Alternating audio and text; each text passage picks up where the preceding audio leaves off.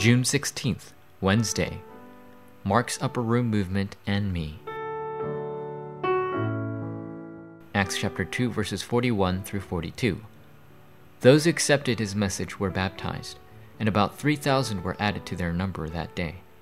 They devoted themselves to the apostles' teaching, and to the fellowship, to the breaking of bread, and to prayer.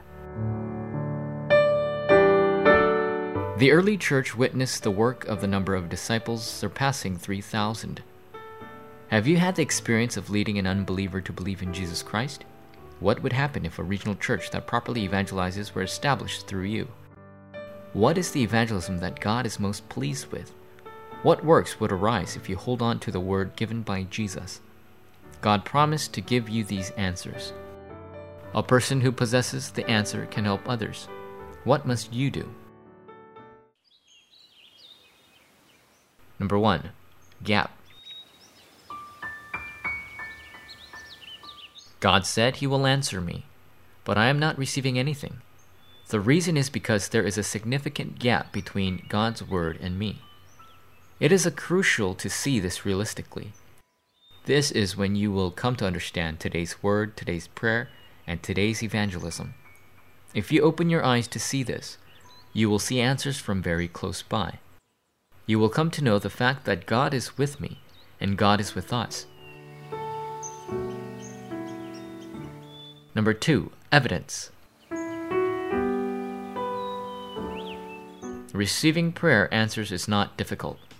God's word must first be testified to me, and this blessing of the covenant will be testified by God in all fields I enter. Henceforth, evidences will arise within the problems God has permitted me he gives me problems to give me answers.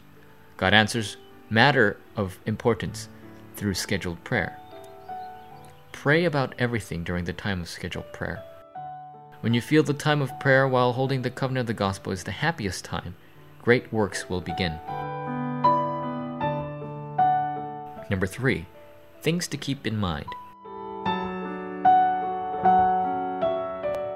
When testifying to the gospel, there are a few things you must keep in mind. You must hold on to a message that is befitting your position, and you must grab hold of evidences according to your time schedule now.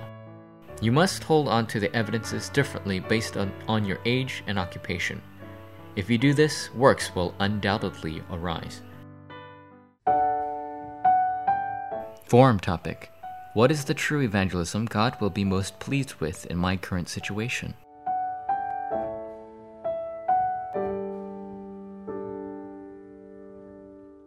you